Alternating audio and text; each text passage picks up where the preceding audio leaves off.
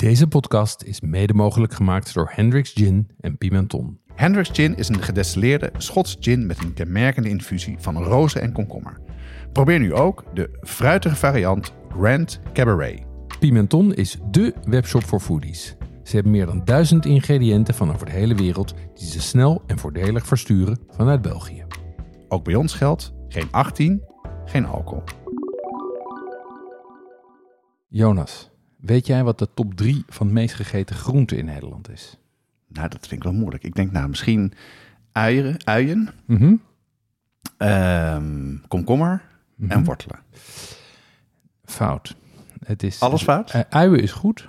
Ehm, eh, tomaat en Oh ja. bloemkool. Echt waar? En overigens zag ik net in een artikel uit eh, 1989 in de Telegraaf. Toen stond bloemkool op nummer 1. Is de meest gegeten groente destijds. Ongelooflijk.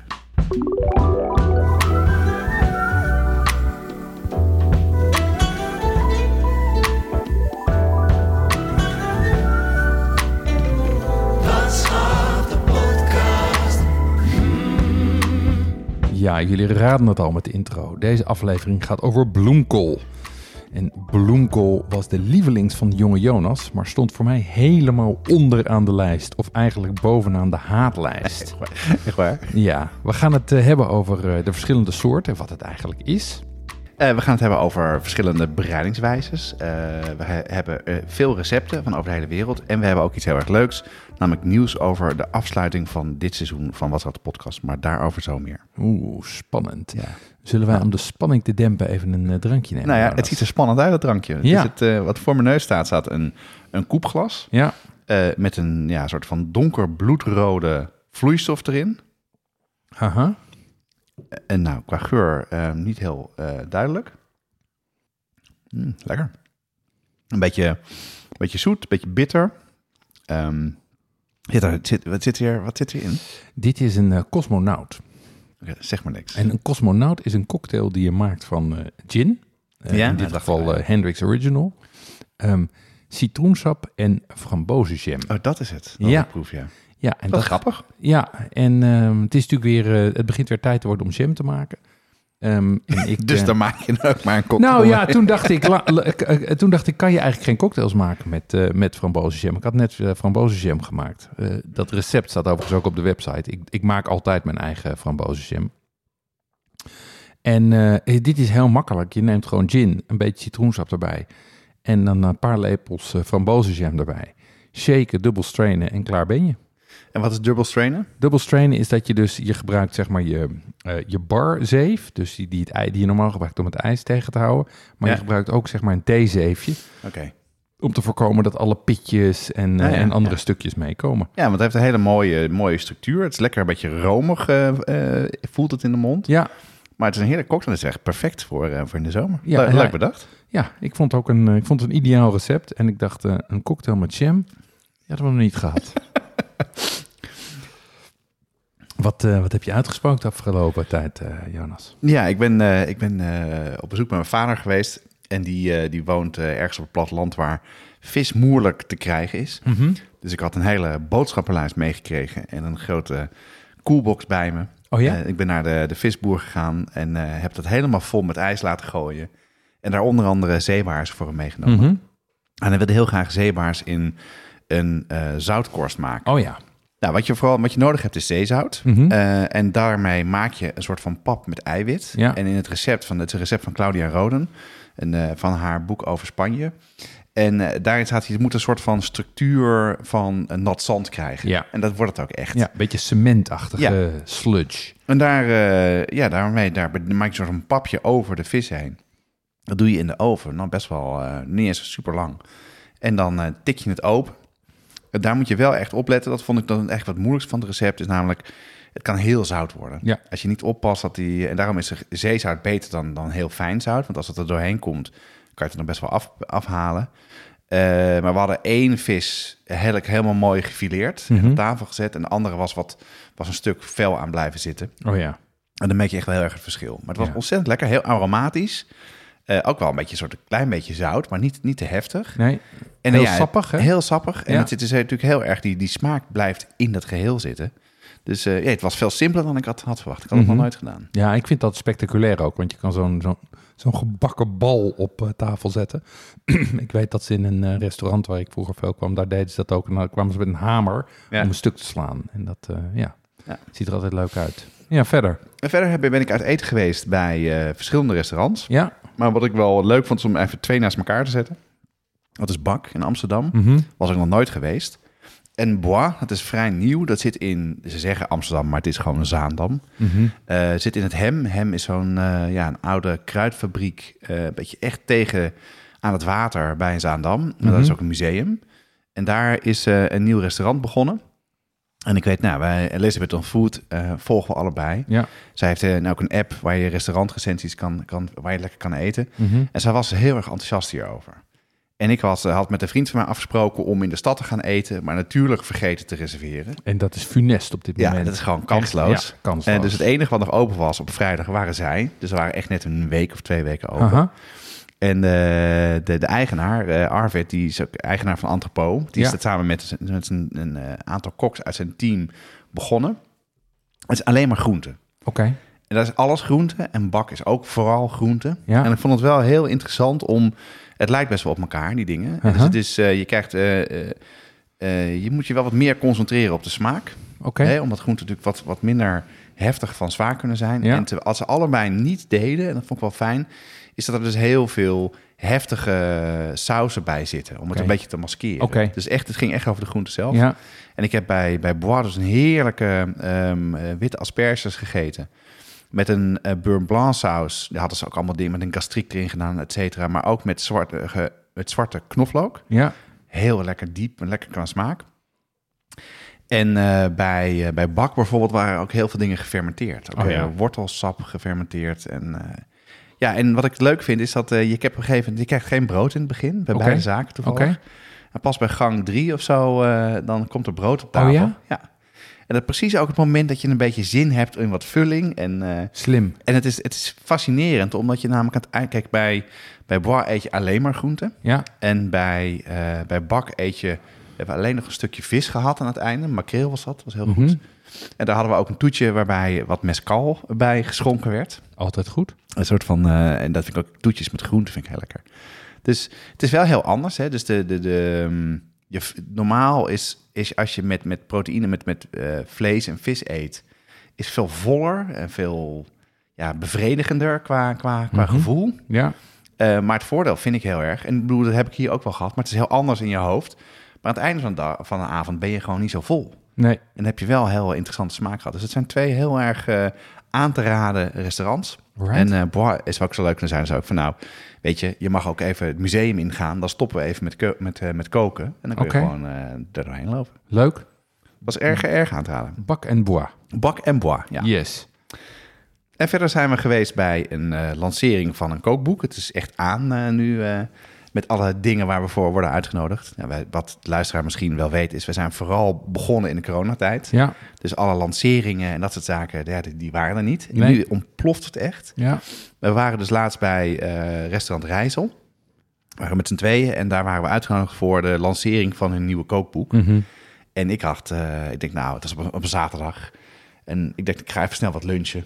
En dan fiets ik er langs. En Ja. leuk, dan eh, drinken we een drankje en dan, eh, en dan gaan we weer weg. Maar ik kwam binnen en helemaal gedekt. Drie gangen. dat had jij ook, hè? ja, ik had ook. Ik had nog twee- snel twee boterhammen gegeten. Ik dacht, je weet nooit wanneer je het eten krijgt. En toen mochten we daar nog drie gangen. Ja, dat was tof. Nou, Kees hebben we weer, die was daar ook, Kees Holtkamp. En het was heel leuk om hem weer even met hem bij te praten. En, eh, en ja, lekker te eten. Ja, ja.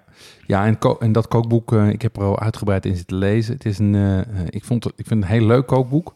Maar het is ook vooral, wat ik zeg, een, het, is, het is ook vooral een, een, een backstory van het restaurant. Ja. Ehm, en, en over hun filosofie en over het vak, zeg maar. Ja. Dus het is wat dat betreft best een leesboek met een aantal recepten erin. En wat ik er fijn aan vond, was dat dat recepten zijn die je vaak zelf wel maakt, maar eigenlijk niet hebt uitgeschreven. Dus, ehm, of die je even eh, on the fly opzoekt in een van de klassiekers. En het is Ja, wel precies, fijn om die nu gewoon eh, bij elkaar te hebben. Dus eh, ik, vind het een, ik vind het een leuk boek geworden. Ja, het leuke is dat Iwan, eh, Iwan Driessen, de, de chef-kok daar, daar heb ik mee opgegroeid. Ja, En wij, wij, wij hadden, waren nog even wat herinneringen aan het ophalen aan onze, aan onze jeugd in de Nieuwmarkt in Amsterdam. De totale ruige tijd was dat. En het is leuk om hem te zien. Wat ik heel leuk aan hem vind, hij heeft een heel erg ook... Hij is heel goed in de Japanse keuken. Ja, En het, bij hem zijn het vooral de details. En dat viel me ook in die recepten op. Er zitten net wat dingetjes in die je denkt... nou ja, het is eigenlijk wel logisch om het zo te doen. Ja. Ehm, waardoor het gewoon lekkerder wordt. Dus eh, nee, Ja. ga ik zeker ook veel uitkoken. Ja, wat ik interessant vond is dat, dat hij een hele sterke eh, Japanse achtergrond heeft. Ook in een Japanse restaurant heeft gewerkt. En, ehm, eh, en dat zijn maître, dat zij half Turks is. Oh ja? Dus wat je, terwijl, het een, terwijl qua keuken is het super klassiek Frans-Vlaams. Maar je ziet dus dat het team erachter een hele eh, eh, cultureel brede achtergrond heeft. Maar dan toch ervoor kiest om zo, eh, zo klassiek te koken. Vond ik heel leuk. Nou, ik, had al, ik, ik realiseerde me wel weer dat het veel te lang geleden was dat ik daar weer gegeten heb. Het is ook altijd vol. Ik heb, ik heb al een reservering gemaakt voor juli. Ik dat heb, ik heb in hè? april een reservering gemaakt voor jullie. Ja, Ja, ja. dat ga ik ook snel maar doen. Kan, kan, ik jullie zeer aanraden, luisteraars. En jij, Jeroen, wat heb jij eh, gedaan?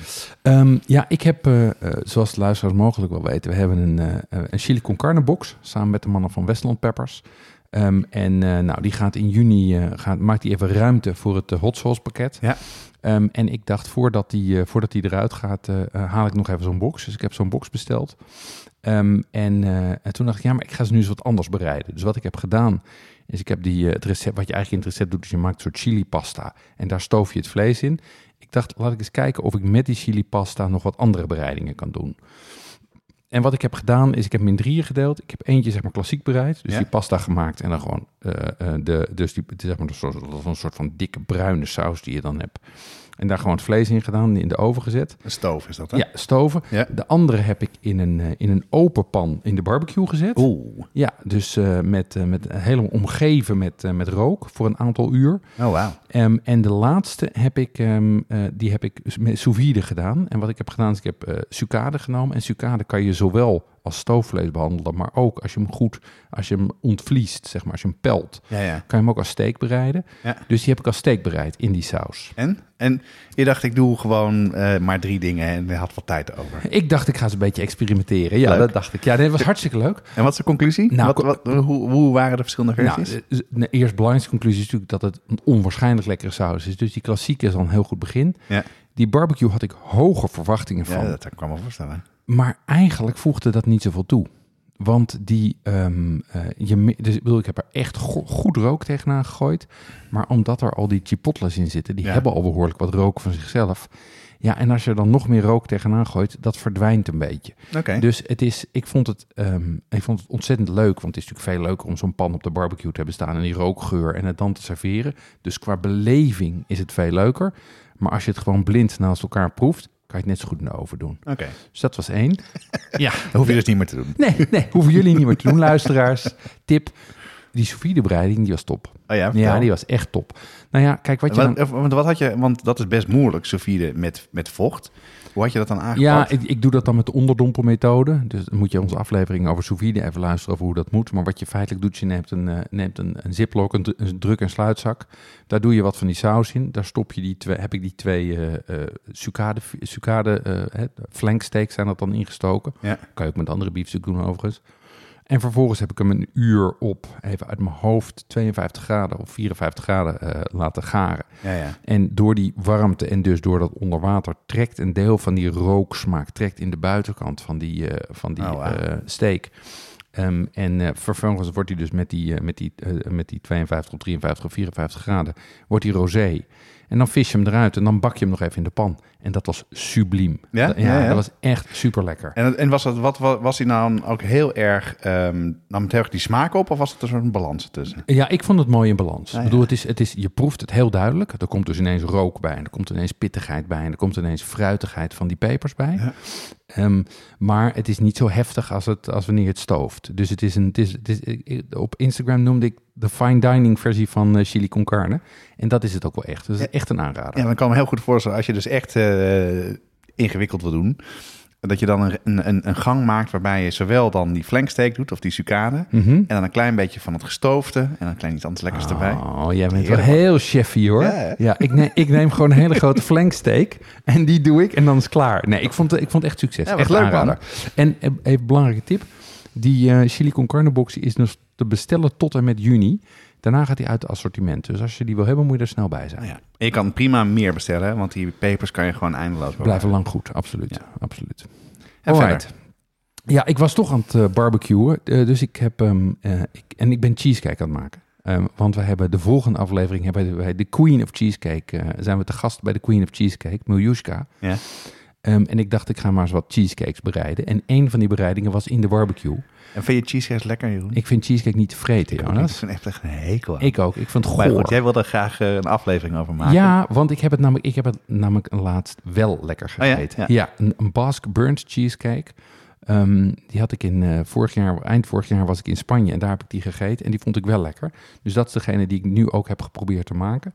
Ehm, en in de barbecue heb gemaakt. In de barbecue. Ja, in de barbecue. Ehm, Ook, als, ook helemaal als oven. eh, ja, maar wel met rook erbij dus nog. Oh, wauw. Ehm, en, eh, maar dat cheesecake maken is nog niet zo makkelijk om dat goed te krijgen. Nee, dat is nog niet zo makkelijk.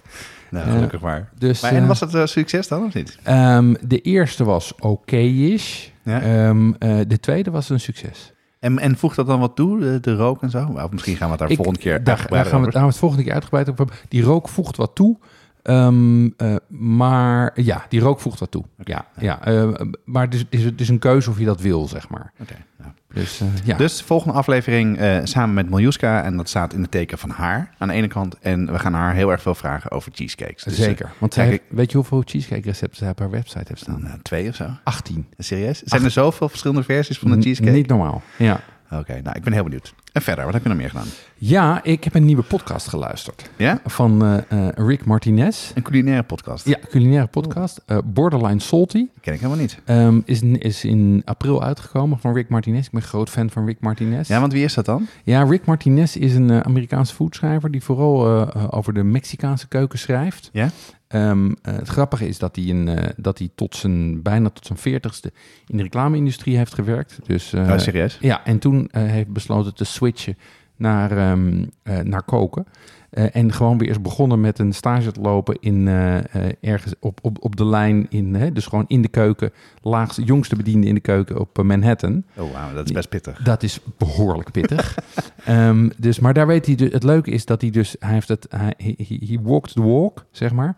En daar kan hij heel goed over vertellen. En weet alles van de Mexicaanse keuken, omdat hij, hij ging eigenlijk voor research naar, ehm, naar Mexico voor zijn nieuwe boek.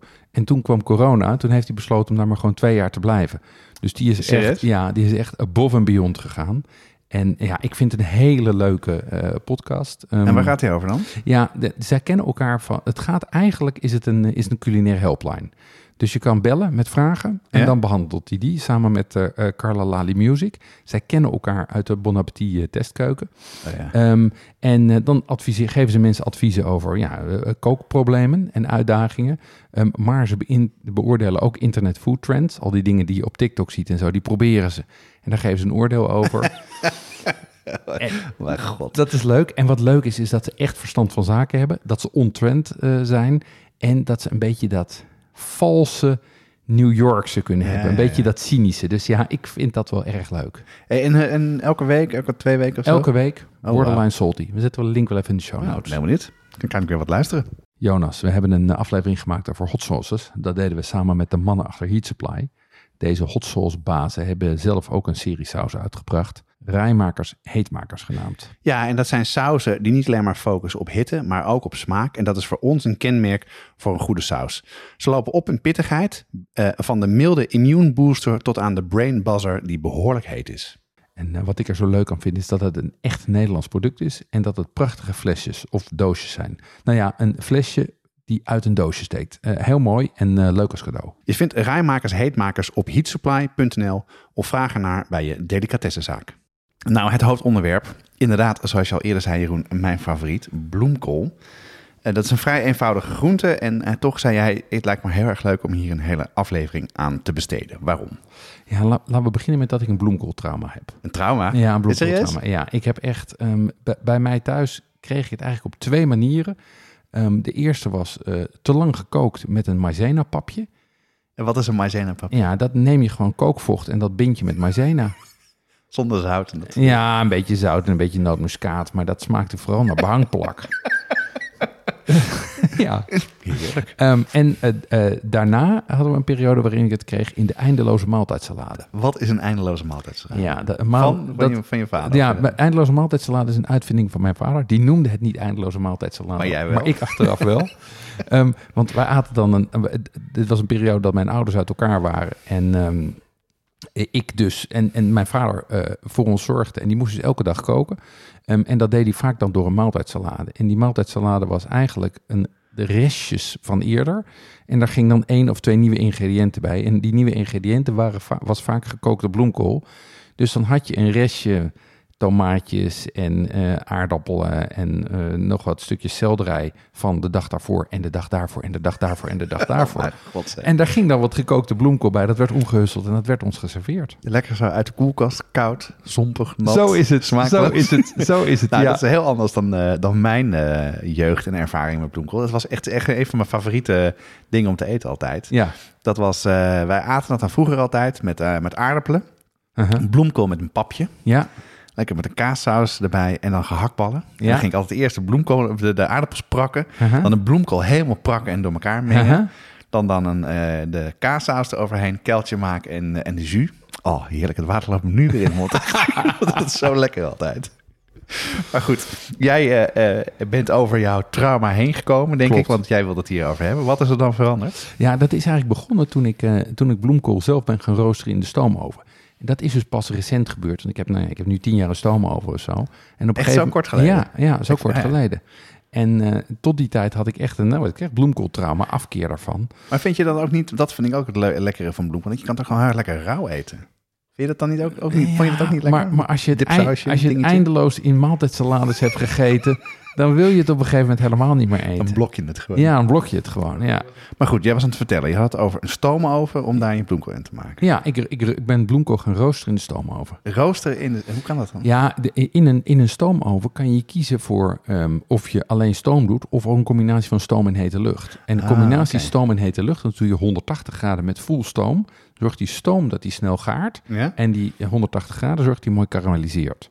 Oh, interessant. Ja, en, ehm, maar het roosteren bleek een recept van, eh, van Eyal Shani, een gevierd eh, Israëlisch chefkok. Ehm, een recept zal ik even in de show notes zetten.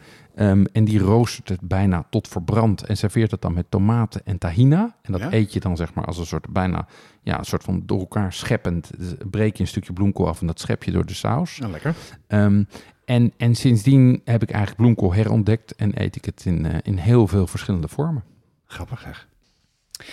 hey, dan ehm, weet jij vast ook wel wat een bloemkool eigenlijk is. Ja, daar ben ik natuurlijk even ingedoken, zoals dat hoort. Nou kijk, bloemkool is een koolsoort. Een kool? Een kool, ja. Ah, ja. Dus het, het komt uit de familie der Brassicae. En dat is de mosterdfamilie. Daar komen alle koolsoorten en ook allerlei, weet je, dingen als ehm eh, eh, radijs en zo zitten erin. Maar de bloemkool zelf is de bloem. Dus de Ja, ja. bloemkool is ook echt de bloemstructuur. En eigenlijk blijken we dat al, al, al eeuwen, al decennia, wat zeg ik, al millennia te eten. Want ook Plinius de Oude, in de Romeinse tijd, die noemt het al. Ehm, het wordt wereldwijd geteeld en gegeten. Het is ontzettend veelzijdig. En inmiddels hebben we een aantal varianten. Je hebt dus de witte, maar je hebt ook groene, gele, paarse en de romesco. Dat is met die groene puntjes, zeg maar, soort kleine Ja, ja. kerstboompjes. Ja, dat zie eh. je vaak in de restaurants. Ziet er super chic uit. Ziet er heel chic uit. Ehm, en en wat, ik, wat heel leuk is, is dat je het in Nederland van juni tot en november kan krijgen van de koude grond. Hey, en is dan eh, eh, broccoli geen familie van ja, de bloemkool? is familie. Toch ja, wel? Ja, Ja, ja. alle kolen zijn familie. En, en eh, broccoli is eigenlijk de voorloper van, eh, van, van, de, van de bloemkool, zou je kunnen zeggen. ja, maar die hebben ze dus al heel vroeg veredeld en eh, tot, eh, tot, tot bloemkool gekweekt. Hey, net had je het over dat het een heel veelzijdige groente is. Ja. Maar wat bedoel je daarmee dan? De essentie daarin is volgens mij de structuur. Ehm, Van, van de bloemkool. van de bloemkool, Ja. Want hij is vrij stevig, zoals een kool. Ehm, maar maar ook- niet te hard of zo. Nee, hij is, en dat komt doordat hij natuurlijk veel opener is. Ja. Ah, ja. Dus die, die, als je kijkt naar gewoon dat, dat hart en zo, dat is stevig, zoals dat van een broccoli of zoals van een witte kool. Maar al die roosjes daaromheen en ook die structuur, zeg maar die boomachtige structuur Ja, daaromheen, Heel mooi vind ik dat. die maakt hem heel, ja, die maakt hem heel fijn. En die maakt ook dat allerlei smaakmakers er heel goed tussen kunnen kruipen. Ah, dus ja, er blijft heel natuurlijk. veel smaak aan hangen. Ja, zowel saus, maar ook natuurlijk andere dingen. Ook vet of, of eh, dat. En omdat hij redelijk hoog op suikers is en die, al die uitstekende puntjes heeft, kan hij ook goed, heel goed karamelliseren. Oh, dus vandaar. hij biedt eigenlijk een hele goede ondergrond om dingen mee te doen. Ja, maar ik vind op zich de smaak zelf vind ik er ook heel erg lekker van. Ja, hij is, hij is delicater Nee, dan gewone Ik kool. ben een bloemkool fanboy, Jeroen. Ik weet het. Je bloemkool-lover. Ja. Goed, we het eens even hebben over hoe je ze kan bereiden en wat, voor een, ja, wat je er allemaal mee kan met deze veelzijdige groenten. ja, kijk, voor de hand liggend wat, ze, bij wat, wat jullie thuis ook deden, is koken. Zeker. Ehm, dat is het meest voorkomend, maar ik vind dat minst aantrekkelijk. Ja, doen wij ook niet meer hoor. Nee. Wij want- de meeste groenten, daar is mijn vrouw echt heilig eh, in, eh, stomen we over het Ja. algemeen. Dan blijven er veel, veel meer vitamines in zitten. En is, vind ik vaak ook lekkerder. Heb je wat meer controle. Kan je ook die bite er een beetje inhouden. Ja. Want dat vind ik het nadeel van koken vaak. Het kan helemaal aan elkaar vallen. Ja, ik vind, ik vind dat eh, vitamines en voedingsstof vind ik allemaal gelul. Eh, ja, dat, maar jij bent niet met Caroline getrouwd. Nee, dat zeker niet. Nee. Ehm, niet dat ik weet tenminste. Ehm, maar eh, nee, het is... ik wel. Ja. nee, nee, maar, maar wat natuurlijk gebeurt is dat veel van de smaak lost op in water. Ja, precies. Wat je ook Ja. met aardappels hebt en wat je ook met asperges hebt. En, ehm, en bovendien wordt die snel te zacht. Ja. Je, over, Ja. je overkookt hem, hoe noem je dat? Je, je kookt hem te gaar. ja, kijk, je hebt natuurlijk aan de ene kant eh, het, het, het, de, stronken. Mhm. ehm, en je hebt de, de, de, de bloemen. Mhm. En dat, eh, dat bloemstuk, dat kan heel snel te ver gaan Ja. aan elkaar vallen.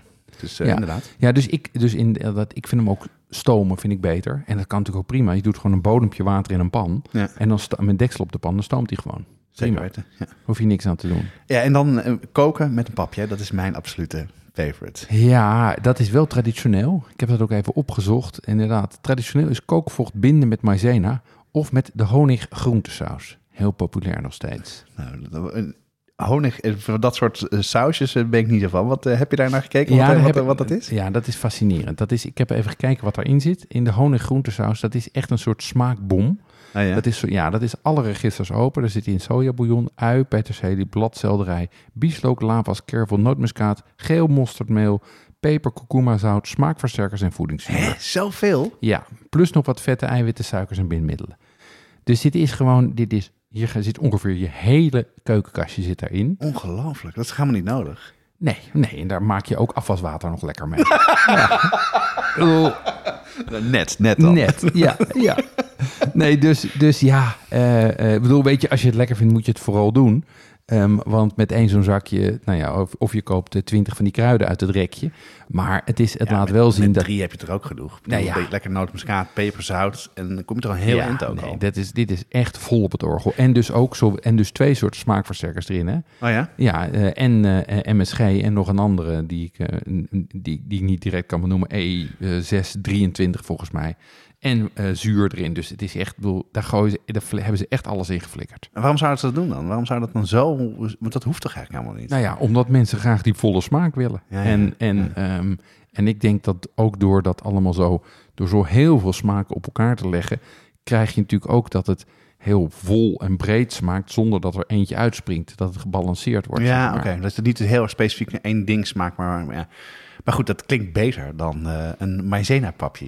Het, het klinkt ook beter met een maizena papje, daarom doen veel mensen dat ook. Nou, ik hoop wel dat je een recept hebt met bloemkool met een papje. Want dat is wel mijn favoriet. En dan niet dit honige groentesaus eh, natuurlijk, ellende. natuurlijk heb ik, want dat is mijn eer te na om, om, dat, om dat af te serveren. Maar ik heb dus eh, gebeld met, met Marie Maris, de, kookboekenschrijfster en groentekoningin.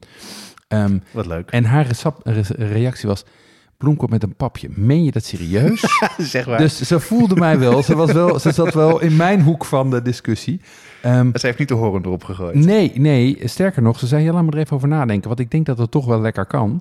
En vervolgens stuurde zij wel geteld acht recepten Serieus? onder het kop bloemkool met een papje. En een papje met bloemkool.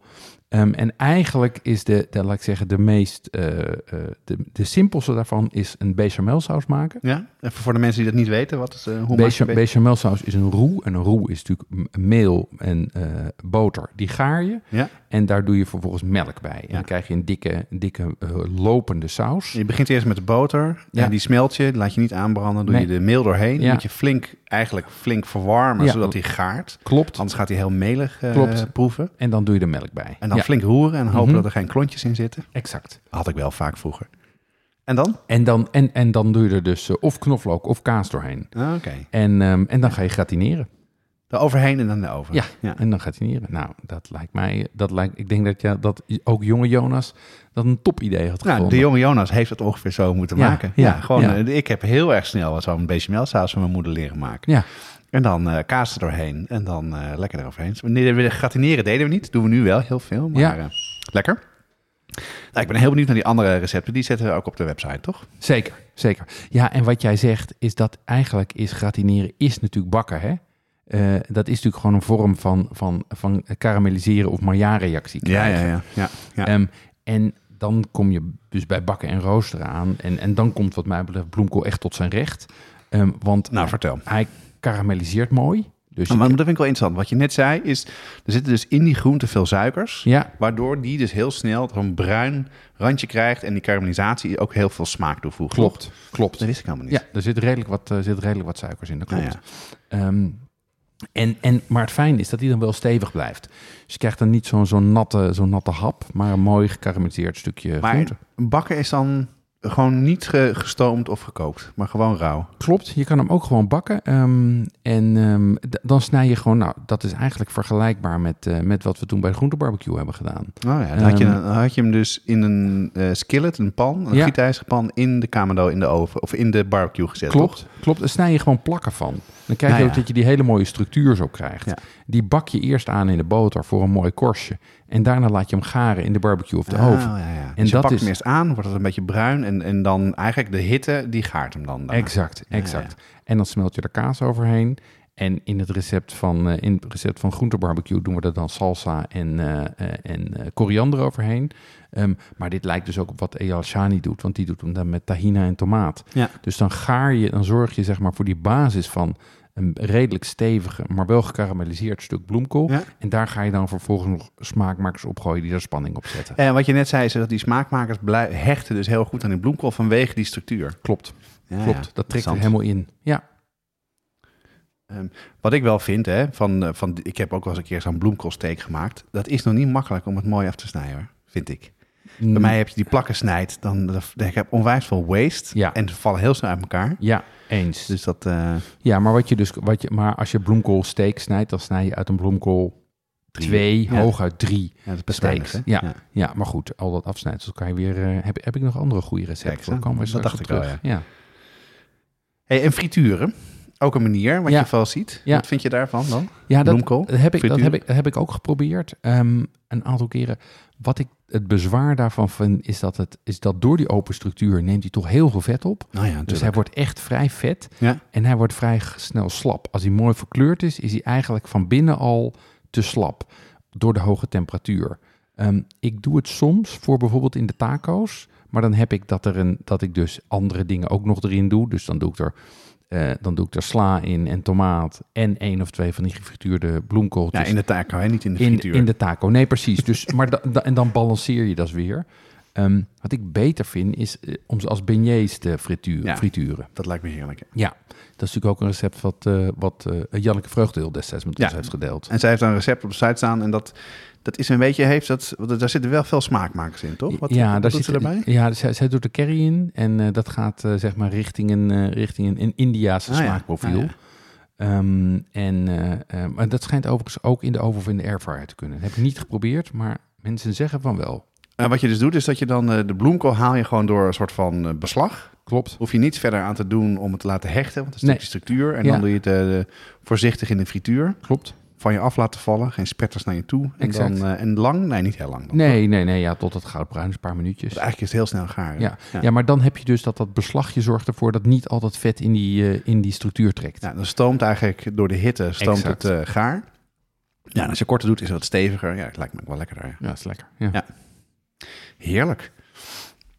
Hey, en wat je ook, dus dat is, ehm, dus we hebben het gehad over, over koken, Mhm. over stomen, Ja. over bakken en Ja. ook bakken in de barbecue. Erg goede tip. Eh, kan ook gewoon met een pan in je eigen barbecue en dan frituren. Mhm. Maar wat je ook heel erg veel ziet, en dat, eh, daar heb ik altijd een beetje mijn twijfels bij, maar misschien weet jij dat wel, is dat je eh, bloemkool ook kan gebruiken als pizzabodem. Weet jij hoe dat zit? Ja. niet? Dat weet je wel. Ja, dat Ja. weet ik. Ja. Is dat wat? Nee. nee. lijkt me ook niks aan. Nee, maar, kijk. maar wat, waar- waarom, waarom is dat dan? Wat is dat? Wat nou, zit daar ja, het verhaal ja, achter? die- Die vraag is eigenlijk niet te beantwoorden. Waarom? Waarom? Omdat, het, omdat, het, ehm, omdat je mensen daarmee het gevoel geeft dat ze meer groente eten. Is Ehm, het, ja. De claims die erop zitten is van ja, je krijgt minder calorieën binnen. Nou, ik heb dat even naast elkaar gezet. Als je kijkt naar, eh, naar de meest voorkomende bloemkoolbodem. Eh, en die vergelijk je met de meest voorkomende, met, hè, de, eh, eh, met, met een gewone pizza, kant-en-klare pizzabodem. Ja. Dan zie je dat er 20% minder calorieën in zitten. Ja, dat vind ik niet broekscheurend. het hangt natuurlijk heel erg af wat je erop gooit. exact, want dat doe je weer helemaal Een beetje kaas erbij en dan zit er zo overheen. Exact, en je bent er wel overheen. Als je het vergelijkt met, met bijvoorbeeld de, de zuurdesem eh, ehm, bodem van Mr. Kitchen, dan zit er maar 3% minder calorieën in bloemkoolbodem. De Nou, dan weet bloem- ik wel wat dus, kies. Ja. Ja, dus Maar ik- waarom, waar- waarom is, dit, is dit in de mode dan? Wat- ja, omdat de volgende claim is dat ze zeggen dat er zit meer proteïne in. Heb ik ook even bekeken. Nou, die blijkt dus, dat blijkt gewoon niet zo te zijn. Dat zijn respectievelijk 7, 8 en 6 procent als je bloemkool vergelijkt met gewoon. Dus ik denk dat het vooral een marketing gimmick is. Ja, maar is dat niet omdat mensen eh glutenintolerant zijn of, eh, of, of echt koeie- koeienlakkie hebben? Celiakie, Ah, sorry. ja, dat kan. Sorry. Nee, maar, dat, dat kan, ja, maar, maar die, die bloemkoolbodems, die, daar zitten wel gewoon weer tarwebloem in. Ah, dus toch die wel? zijn, ja, die zijn helemaal niet glutenvrij. Oh, dan moet je maar net wel weten. Dus er zit minder gluten in. Maar Ja, ja. dat is natuurlijk dat is ook weer die hele glutenhetsen. Ehm, kijk, ik doe niks af aan mensen die celiakie hebben. Nee, dat dat is echt heel Een vervelend. vriendin van mij heeft dat. Dat Ja. wens je echt niemand toe. Nee, dat is. Maar dan kan je ook echt geen gluten eten. Nee, helemaal En niks. dit, en dit is gewoon een beetje minder gluten, omdat mensen denken dat gluten niet goed voor je is en goed voor je spijsverteringsgetal. Echt, het is allemaal gelul. Dat is een beetje Ja. food marketing eh dit, is, dit, dit is 100% food marketing. En als je dan zo nodig, eh, laat ik zeggen, eh, koolhydraatdragers wil vervangen door groenten, omdat je minder calorieën wil binnenkrijgen, ja, ga dan gewoon, doe dan gewoon bloemkoolrijst of bloemkool couscous. Ja, ja, ja. En wat is dat dan? Ja, dat is eigenlijk gewoon fijn gemalen bloemkool. Dus ofwel je raspt het en dan eh, krijg je iets eh, wat rijstachtig is. Ofwel je blendert het en dan krijg je iets wat couscousachtig is. En Janneke heeft er ook een recept voor op onze site staan. Ehm, ja, ik, ik zelf ben daar niet enthousiast over, want ik wil gewoon een- toch een redelijke schep aan, eh aan koolhydraten binnenkrijgen. Omdat ik daar, die laten hun energie langzaam los. Dus daar blijf ik langer volzade, volzet, hè, verzadigd van. Ja, ja, precies. Ja. Maar goed, als je denkt, ik wil meer, meer groente, als ik het wil verstoppen. En wat bedoel je daarmee dan, met verstoppen?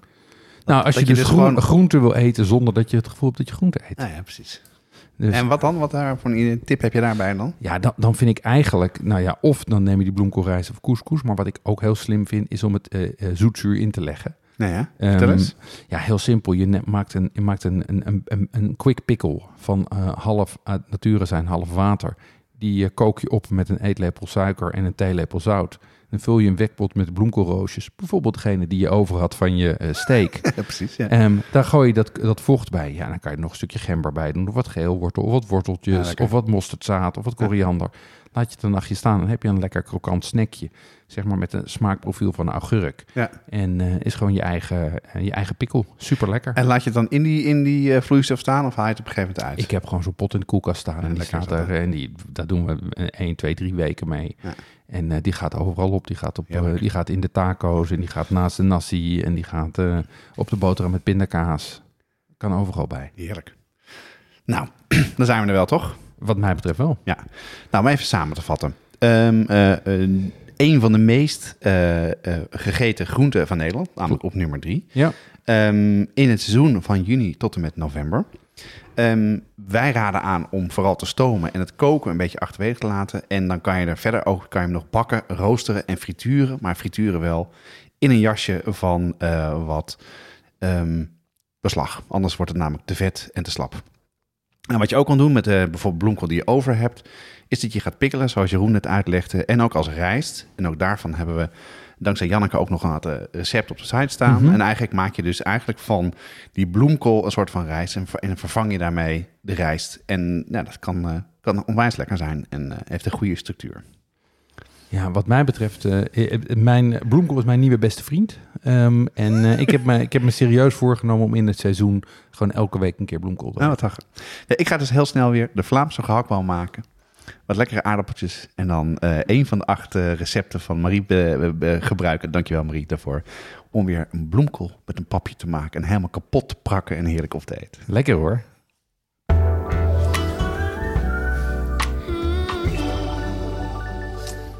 Ja, en het is alsof de duivel ermee speelt. We hebben niet alleen recepten van Marie gekregen, we hebben toevallig ook net een recensie binnen van het nieuwe boek van uh, uh, Groenten van Marie Maris. Um, en uh, die worden bij ons door brigadeleden proefgekookt en gerecenseerd. Dat is een heel grondig proces waarin ze het boek effectief van voor tot achter doorkoken. En deze keer is dat gedaan door Annemiek de Groot. Wat vond ze ervan, Jonas? Ja, ze was er heel erg enthousiast over. Het is, een, het is een heel dik boek. Het gaat helemaal over groenten met heel veel inspiratie. Het is ook ingedeeld naar, per hoofdstuk naar de soort groente. Het begint ook met een plaatje van de groente zelf. Je ziet wat boven de grond zit, maar ook wat onder de grond zit. En wat zij er heel erg leuk aan vond, het had een hele luchtige, vrolijke toon. Hele precieze recepten. En voor haar, zowel voor de beginnende als ervaring, ook veel inspiratie. En zoals Annemiek in haar conclusie zei, eh, dit nieuwe, leuke, verrassende en inspirerende kookboek van Marie Maris krijgt een ereplaats op de boekenplank. Ook de meer ervaren kok zal hier genoeg inspiratie uithalen. En eh, je kan de hele recensie op de site lezen en daar staan ook verschillende recepten bij om een beetje idee te krijgen van uh, ja, hoe het boek in elkaar zit. En, uh, en als het op de site staat, dan is het aan te raden. Dus dankjewel Annemiek voor deze leuke recensie. Elke twee weken op donderdag staat er een nieuwe aflevering klaar. Meld je aan op de site voor onze nieuwsbrief. En zodra een aflevering live staat, ontvang je een e-mail met alle recepten en aanvullende informatie over de podcast. Deze aflevering wordt gemaakt door Jonas Nouwen en Jeroen Doucet. Het team bestaat verder uit Corianne Straathoff, Annie Tazelaar, Paul Veldkamp, Cato van Paddenburg, Stephanie Peters en natuurlijk Jesse Burkunk. De muziek is gecomponeerd door Nico Brands en Ton Dijkman en uitgevoerd door Mel en Vintage Future. Reacties kun je sturen naar jeroen.watschaftepodcast.nl of jonas.watschaftepodcast.nl of je kan ons ook een DM sturen via Instagram, Facebook of Twitter. Tot de volgende keer. Tot over twee weken.